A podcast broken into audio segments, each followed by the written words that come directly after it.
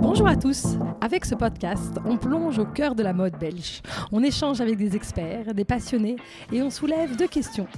Que se passe-t-il dans la mode au-delà des images parfaites véhiculées par les réseaux sociaux?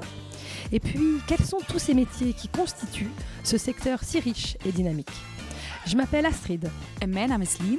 Ensemble, nous sommes derrière le podcast We Love Belgian Brands, le premier podcast qui parle de la mode belge. Alors voilà, tous les jeudis sortiront un épisode et une semaine sur deux en français et en néerlandais. Au creux de vos oreilles, on parle vrai, on raconte ce qu'est la réalité. Le but de chaque discussion, apprendre, échanger, inspirer. Belle écoute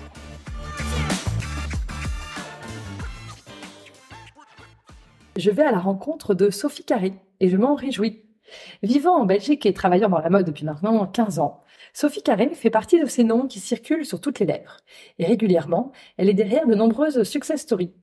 Et de belles personnes ont vite reconnu le flair et le professionnalisme de Sophie. Elle est aujourd'hui à la tête d'un bureau de presse, de ceux qui ont su évoluer avec leur temps, proposant d'organiser des événements, de construire une communauté, de créer du contenu, de collaborer avec des influenceurs. Avec ces discussions, je suis impatient d'en savoir plus sur le métier de Sophie et comment il a évolué. Et puis, last but not least, Sophie a eu un podcast, So Rare, en 2019-2020. Alors voilà, j'ai l'impression d'avoir plein de choses à échanger avec Sophie et je vous emmène avec moi pour cette rencontre. Sophie, bonjour. Bonjour. Alors, je commence toujours par cette première question qui est de vous demander de vous présenter et de me dire qu'est-ce que vous auriez aimé faire comme métier quand vous étiez enfant? Alors, je m'appelle Sophie Carré, et quand j'étais petite, je voulais être soit fleuriste, soit chanteuse. Ah, jolie, des ambitions euh, différentes. très, très, mais je chante très très mal. Ah oui, ça, ça, ça aide pas. Ça. non. Et alors, qu'est-ce qui vous a amené euh, dans votre parcours euh, jusqu'à la création de ce bureau de presse? Que des rencontres et des hasards merveilleux. après mes études en Belgique, je suis partie à Paris pour étudier ouais. une école de communication. Pendant mes études, je coloquais avec une maquilleuse belge ah. euh, qui faisait à l'époque les, les, les, les, maquillages des défilés de Barbara Buis, la créatrice de mode. Ouais. Un jour, elle m'a dit, écoute, va te présenter, l'attachée presse est très très très enceinte et elle a personne pour la remplacer. Donc je suis allée me présenter, je ne connaissais absolument rien à la mode. Ah. On, on, on sait plus avec Barbara et j'ai commencé chez elle, j'ai arrêté mes études. Et j'y suis restée euh, 15 ans à peu près. Wow. J'ai commencé toute petite et j'ai fini directrice de la communication. À Paris donc. À Paris, mais c'était surtout une merveilleuse aventure humaine. La société était toute petite. On a vraiment grandi littéralement ensemble.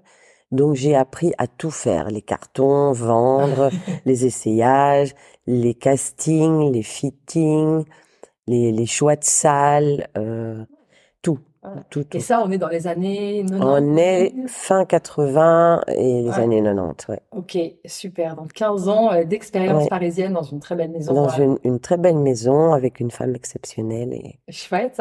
Et, euh, et après ça, alors?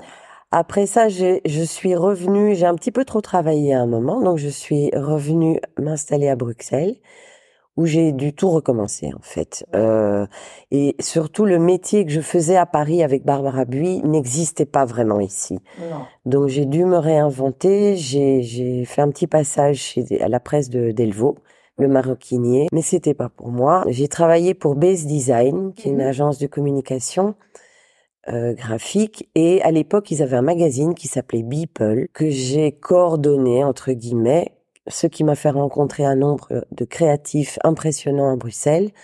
Moi qui étais partie depuis euh, plus de 15 ans. Et à cette occasion, j'avais fait le tour des bureaux de presse pour Bien présenter le magazine. Et là, je me suis dit que j'allais faire le mien.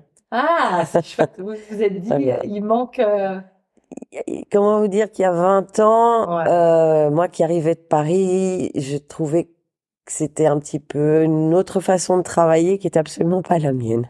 Et alors, comment vous avez lancé votre bureau de presse? Avec quel client? Comment Alors, euh, à l'époque, quand je travaillais chez Baise, les bureaux étaient dans le centre et je passais tous les jours devant une boutique qui s'appelait Les Précieuses. Mhm. euh, de Pili Colado. Et un jour, on se, on se parle toutes les deux et je lui pose la question. Je dis, mais je ne comprends pas très bien. Les Précieuses, c'est une marque de bijoux ou c'est le nom de ton magasin? Elle m'a regardé, elle m'a dit, tu veux pas être mon attaché de presse? Et ça a été ma première cliente. Ah, super. Voilà. Chouette. Et j'ai commencé à travailler euh, chez moi, à la maison, dans mon salon, enceinte de mon fils. Euh, j'ai eu la chance de d'avoir très vite des, des, chouettes marques. Zadig et Voltaire cherchaient quelqu'un, on se connaissait de Paris, donc euh, être dans mon salon ne les gênait absolument pas. Rue Blanche est arrivée très vite, Dean Van est arrivé très vite. Wow. Mais ça, c'est souvent grâce à mes contacts en France. Mm-hmm. Et, et, et, à un moment donné, le salon a, a commencé à devenir un petit peu petit. Euh, et mon mari en avait marre, donc euh, on a commencé à. J'ai trouvé un bureau. J'ai commencé dans un garage, littéralement, le garage d'un ami journaliste. Euh, C'était mon petit showroom. Et puis à chaque marque qui rentrait, ben ça faisait des portants en plus, parce qu'on faisait vraiment que de la mode à ce moment-là. Donc chaque grande marque qui rentrait, il fallait déménager. Euh, donc après le garage, je suis restée, je suis restée dans le centre, euh, au bout de la rue des Chartreux. Et puis finalement, on a terminé à Anderlecht parce que là, on avait vraiment beaucoup de portants. Ouais. Près de la gare euh, du Midi, dans le Triangle, dans un très très chouette espace, un grand loft avec un monte charge. C'était un peu New York à Bruxelles. Oh, cool. Et voilà, on avait beaucoup de beaucoup beaucoup de marques de mode, beaucoup de jeunes marques de mode parce qu'on avait des marques confirmées, mais je trouvais toujours important de, de pouvoir aider des jeunes euh, financièrement, enfin en les soutenant quelque part en travaillant pour eux pour pas grand chose, puisque mes, mes autres marques pouvaient, enfin m'aider à le, à le faire. Vous pouvez expliquer ce que c'est qu'un bureau de presse? C'était quoi concrètement votre votre métier? Alors quand je dis que je suis attachée de presse, on me dit ah pour quel magazine? Ah voilà. Donc déjà voilà, nous sommes vraiment un, un, un lien, un outil entre le créateur, le créatif, la marque et le grand public. Ouais. C'est-à-dire que nous, on va se servir des médias et de tous les, les, médias à notre disposition pour faire connaître ce produit, cette marque, ce créateur au grand public. Euh, donc pour ça, on a besoin de d'informations. En général, on appelle ça un communiqué de presse mm-hmm. que soit nous faisons, soit le client nous livre il faut que le texte soit quand même pas trop basique, qui donne mhm. un petit peu envie. Donc ça c'est le ton est, souvent très important. Il nous faut des visuels de très très bonne qualité, pareil, qui soient qui donnent envie. De là, nous, on monte un, e-dossier de presse, parce que mhm. maintenant, on fait plus rien en papier. On, a une sorte de press room sur lequel tous les documents sont uploadés. Notre dossier de presse, on met vraiment un point d'honneur à ce qu'il soit très, très, très joli. Que ce soit un petit peu comme un bonbon qu'on reçoit et qu'on ait envie de manger, c'est-à-dire qu'on ait envie de s'y intéresser et que le journaliste se dise ah ça ça m'intéresse. Ou ça ça me plaît ou ça me questionne. Ou euh, je, je, vais le retenir euh, et ensuite euh, on, on, appelle un petit peu les, les, journalistes qui nous concernent pour savoir euh, ce qu'elles en ont pensé si elles vont pouvoir parler de notre projet ou pas ou comment ou on réfléchit ensemble à des angles. Et voilà. Et pour créer cette euh, désirabilité dans le texte, dans les visuels, est-ce que vous-même, vous êtes actrice de ça ou c'est les marques qui créent leur texte, qui créent leur visuel et, et quels conseils vous pourriez donner? Euh, Il y a longtemps, les, on, on, pouvait intervenir au niveau des visuels. Aujourd'hui, vraiment, les marques savent ce qu'elles veulent. Je vous parle d'un temps où les, les marques ne savaient pas très bien comment ça mmh. fonctionnait non plus. Mais maintenant, elles savent très très bien ce qu'elles veulent. Donc en général, on a du bon matériel. C'est rare qu'on reçoive des, des, images qui ne soient pas, euh, qui soient difficiles à exploiter. Et les textes, ben, quand le client vous livre son texte, euh, après, tout dépend du client. Il y en a auxquels on peut dire que il faut peut-être un petit peu le revoir. Il y en a avec lesquels on est obligé de composer, mais. Mais c'est pas votre métier que de réaliser le texte. Ben, on le fait, hein, on le fait, on le fait beaucoup, on le fait mhm. beaucoup, on le fait beaucoup. Et aussi, dites-moi si je me trompe, mais une partie de votre métier aussi, c'est d'avoir, comme vous dites, un showroom, donc d'avoir des pièces qui sont exposées pour qu'elles puissent être empruntées. Alors, on a des pièces, on a effectivement un showroom avec euh, chaque saison une, une, une collection qui change, donc deux fois par an euh, et qui est à disposition des, des stylistes photos. Euh, on habille aussi certains comédiens, des chanteurs, euh, tous ceux qui peuvent en avoir besoin pour, pour, pour, de l'image. Comment le métier il a évolué avec bah, l'émergence du digital, l'importance des réseaux sociaux pour vous? Le, le, le, métier a quand même pas mal évolué. Déjà dans les rédactions, elles sont beaucoup, ils sont beaucoup moins nombreux qu'avant. Mm-hmm. Il y a beaucoup plus de freelance. Euh, chacun travaille un petit peu de son côté. C'est un petit peu plus plus fastidieux parfois pour nous parce qu'on a affaire à beaucoup plus de monde. On doit séduire plus de monde, convaincre plus de monde. Euh, les stylistes maintenant sont, font beaucoup leur, euh, leur shopping via des images qu'on peut leur envoyer ou on se met dans le showroom avec euh, notre téléphone et on se fait une captation en direct. Elle dit mhm. ça je veux, ça je veux pas, ça je veux, ça je veux pas. Donc on a moins de stylistes qui passent quand même par rapport à avant le Covid, beaucoup mhm. moins. Il y a beaucoup moins de shooting, tout simplement. Beaucoup moins de magazines maintenant ont des shootings mode. Mhm. Euh, faut dire là que c'est un gros coup. C'est un c'est un coup et c'est sans doute un choix de la rédaction mhm. de d'avoir supprimé ça. Parfois c'est un petit peu dommage quand même, mais bon, c'est comme ça. Euh, mais toujours, bien sûr, et surtout que que en Belgique on a quand même beaucoup moins de magazines mode qu'en France ou d'autres pays, donc euh, oui, ça se réduit parfois un petit peu à peau de chagrin. le digital a pris effectivement une grande part au départ, les marques s'y engouffraient pas mal et puis ils en reviennent un petit mmh, peu. Mmh. C'est-à-dire qu'ils n'étaient pas assez bons dans le digital que pour miser tout sur le digital. Donc maintenant, il y a quand même les deux. C'est pareil pour la presse, j'ai envie de dire. Euh, à un moment, le digital a fait peur à tout le monde, mais les journaux sont toujours là, existent toujours. Et le digital n'est souvent pas encore à la hauteur de, ce qui devrait être. Enfin, et en fait, on se rend compte que les deux cohabitent parfaitement. Et, et les deux, il y a de la place pour les deux. Ouais, absolument. C'est comme Uber et les taxis, quoi. Ouais, c'est tout à fait ça. non, non, je suis d'accord. C'est, deux choses différentes, c'est deux manières de consommer. Euh, Complètement. et c'est pas le même public. Il y a un public qui lit toujours des magazines. Il y a un public qui est absolument euh, que digital. Ouais. Euh, et vice versa. Donc, euh, il en faut pour tout le monde. Euh, non, non, la presse écrite n'est pas du tout morte. C'est vrai que aussi, depuis le Covid, les, les contenus ont changé. Mm-hmm. Je pense que les gens, euh, pendant le Covid, ont beaucoup plus lu.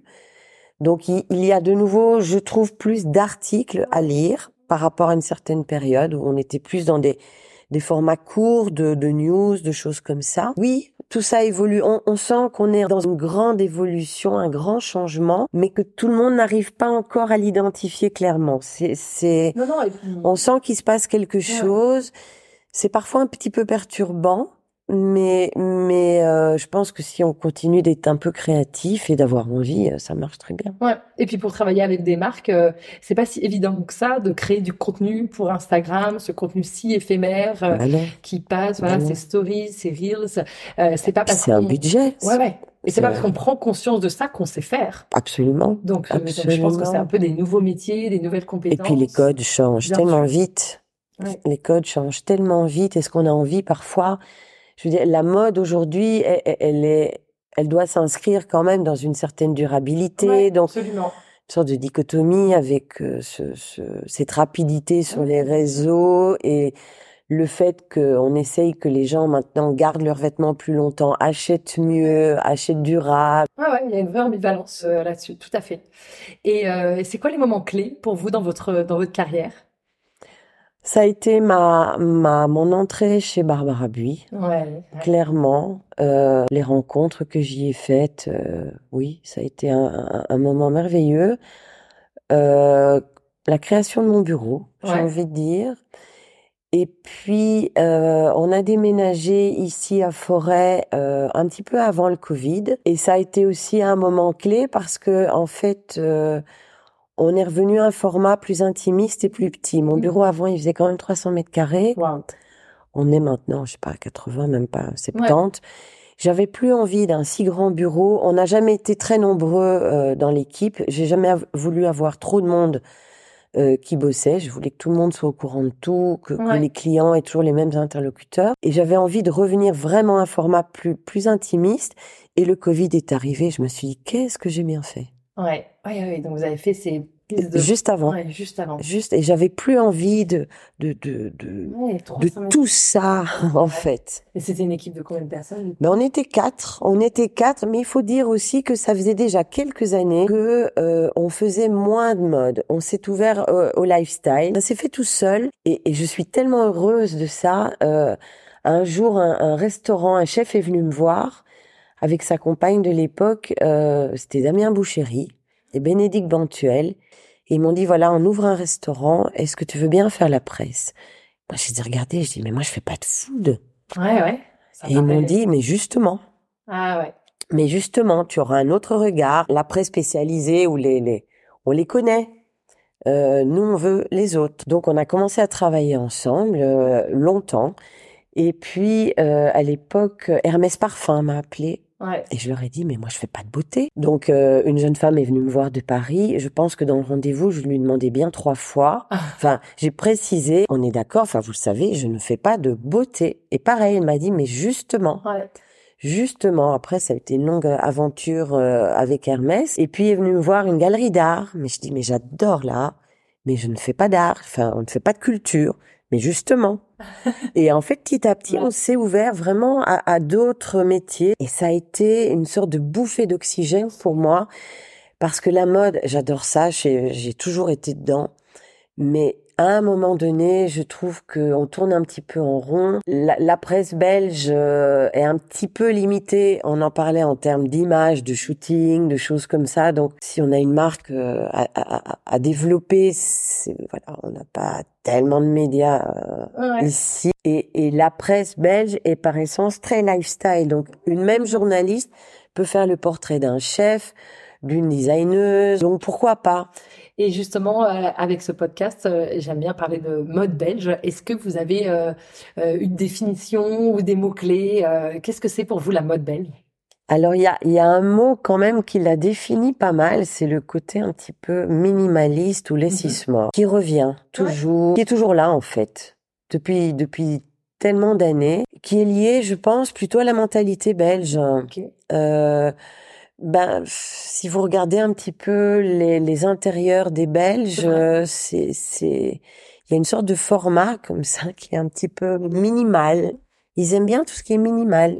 et je pense que c'est plus lié à une mentalité qu'à une école, parce que quand vous, vous allez voir les défilés d'école, c'est pas très minimal. Non, c'est pas très minimal. Donc, euh, et après, c'est l'explosion de créativité. Absolument. On leur demande. Voilà, absolument. Mais euh, et il y a quand même une grande créativité et parfois trop d'humilité. Ouais, c'est bien dit. Voilà. Ouais, c'est bien dit. C'est euh, c'est quoi aujourd'hui les challenges d'un bureau de presse? Ben, c'est de, de, de durer, d'être toujours là, d'avoir toujours euh, cette envie, cette passion, de rencontrer des gens. De c'est c'est moi ce qui me fait enfin ce qui me plaît le plus, ce sont les rencontres que je fais et, et, et toujours et encore et toujours et puis bah, de s'adapter à, à, cette nouvelle euh, ère qui arrive ou qui est déjà là, et, et surtout d'en prendre le bon. Ouais, c'est vrai, de voir les choses du, D'en prendre le bon, parce que c'est vrai que c'est peut-être pas toujours évident, mais il y a forcément du bon et il y a du bon. Bien sûr. Il y a du bon. Euh, si des marques qui se lancent, des créateurs veulent travailler avec un bureau de presse, euh, qu'est-ce que vous leur conseillerez de faire, de ne pas faire? C'est quoi la réalité pour, euh, pour eux? Alors, je pense qu'ils doivent d'abord exister par eux-mêmes, sans bureau de presse, commercialement parlant, certainement, avoir deux, trois saisons minimum, en tout cas trois minimum, pour avoir vraiment une, une bonne assise de leur marque, une bonne connaissance de leur marché, mhm. de leur capacité à produire. Et ensuite, ils peuvent venir nous voir. Ouais. Euh, on est, nous sommes quand même la cerise sur le gâteau. On est un peu un luxe pour un, pour une jeune marque. Ça a quand même un coût. Et puis, c'est un petit peu dommage de, de, communiquer sur une marque euh, qui disparaît éventuellement un an après. Ouais. Euh, c'est un peu triste. Donc, euh... je trouve que c'est, c'est bien dit, une cerise sur le gâteau. Et je trouve que justement dans ce monde de l'image qui est si important, beaucoup de marques font ont le raisonnement inverse sur le fait de vouloir être dans l'officiel, donc de vouloir être dans le Vogue, de vouloir gagner cette crédibilité grâce à un bureau de presse, en pensant que ce sera le moteur du développement commercial. Donc, je trouve ça intéressant que vous. Euh, bah, ils peuvent. Y a après, la marque peut être repérée si elle, si elle communique effectivement bien via les réseaux. Aujourd'hui, tout, le monde a quand même accès aux réseaux sociaux. Mais une marque doit asseoir vraiment son son identité, sa signature, sa, signature, son. Elle doit être forte. Ouais. Elle doit être forte. Elle, elle ne peut pas être trop fragile. Elle doit pouvoir euh, livrer à temps, fabriquer dans les temps, avoir les bons fabricants, que la qualité soit là toujours. Euh, avoir des points de vente parce que ça donne, c'est la meilleure des visibilités. C'est le point de vente et c'est les gens qui portent votre, votre marque. Il n'y a rien à faire c'est des bons conseils et je trouve que vous avez raison et, et moi de, je le vois aussi cette cette euh, le fait d'être reconnaissable le fait d'être d'être visible dans des boutiques. Le temps permet de mieux construire son identité de marque d'être reconnaissable. Tout ça ça ça peut pas se faire en deux ben non. et en un on, on, on, dit à Bruxelles enfin en tout cas à Bruxelles que que quand on ouvre une boutique il faut euh, compter environ trois ans. Ah de, de, de rentabilité de, de de reconnaissance qu'une marque euh, ouais, imaginez et puis et puis il faut le temps. On, on, fait pas une révolution en une saison ou deux. Enfin moi je le vois de mon côté aussi hein, les acheteurs ils regardent trois quatre saisons. Ah ben ils suivent. Ils suivent la marque pour voir. ben voilà. C'est pareil. Un acheteur a pas envie d'acheter une marque qui va disparaître une saison ou deux après. Mm. on a envie de construire une collaboration sur du long terme et euh, et pour ça, il faut que la marque soit un petit peu solide. Ouais, mais du coup, c'est difficile quand on commence. Ah, c'est sûr, on a envie de tout. ouais, ouais, absolument. Euh, vous parlez de votre amour des rencontres, euh, des échanges. Justement, euh, qui dans la mode belge vous souhaiteriez écouter à mon micro? Il y en a un pour qui j'ai une affection énorme, qui a un talent fou, c'est Jean-Paul Notte. Ah, super idée. Très bien. Ok, bonne idée. Euh, je, je, garde, je garde le nom, super. Est-ce que vous avez d'autres euh, histoires ou anecdotes à raconter sur euh, des collaborations que vous avez pu avoir avec des marques euh, belges? Pas, pas de spécial, non. Ça a toujours été des, des jolies rencontres. La plupart euh, des marques avec lesquelles j'ai travaillé, en général, quand ça s'est arrêté, c'était ou des questions financières ou des des, des c'est parce que la marque voulait intégrer euh, sa com et, et, tout faire en interne. Mais dans la plupart des cas, on est toujours resté en contact. Euh, L'histoire amicale a continué. Ouais. En tout cas, vous avez des clients fidèles encore. Exactement, mais beaucoup de nos clients sont là depuis très longtemps. Ouais, ouais c'est ça. Ça très fait combien de temps que vous avez votre euh, bureau maintenant? Alors, euh, à Bruxelles, j'ai commencé il y a bientôt 20 ans. C'est ça, hein? Ouais, c'est, c'est une belle, une il y a belle bientôt 20 ans déjà. Super. Eh ben, je vous remercie beaucoup. Mais merci beaucoup à vous. C'était euh, passionnant de vous écouter euh, parler de votre métier et je vous, je vous en remercie.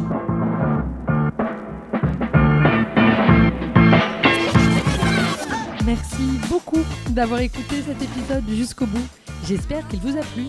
Et si c'est le cas, je vous invite à le partager et à le noter de 5 étoiles. Ensemble, diffusons les histoires inspirantes et les conseils précieux des entrepreneurs qui constituent la mode belge. Et si vous voulez en savoir plus, rejoignez-nous sur Instagram, we love underscore podcast, et aussi sur LinkedIn, sous les pages astrid.lefebvre et Lindegram.